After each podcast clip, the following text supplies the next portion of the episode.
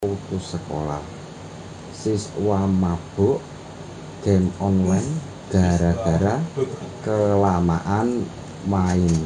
Dan bahkan banyak orang tua yang menyampaikan keluhan kesulitan menemani anak karena mesti bekerja.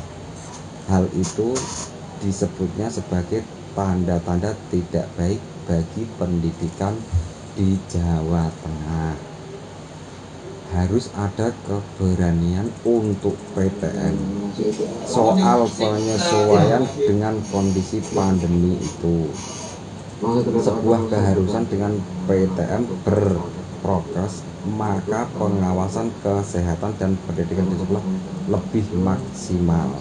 Ini justru menyelamatkan anak-anak. Ketua Dewan Provinsi Jawa Tengah Profesor Rustono mengatakan sejauh ini dengan pelaksanaan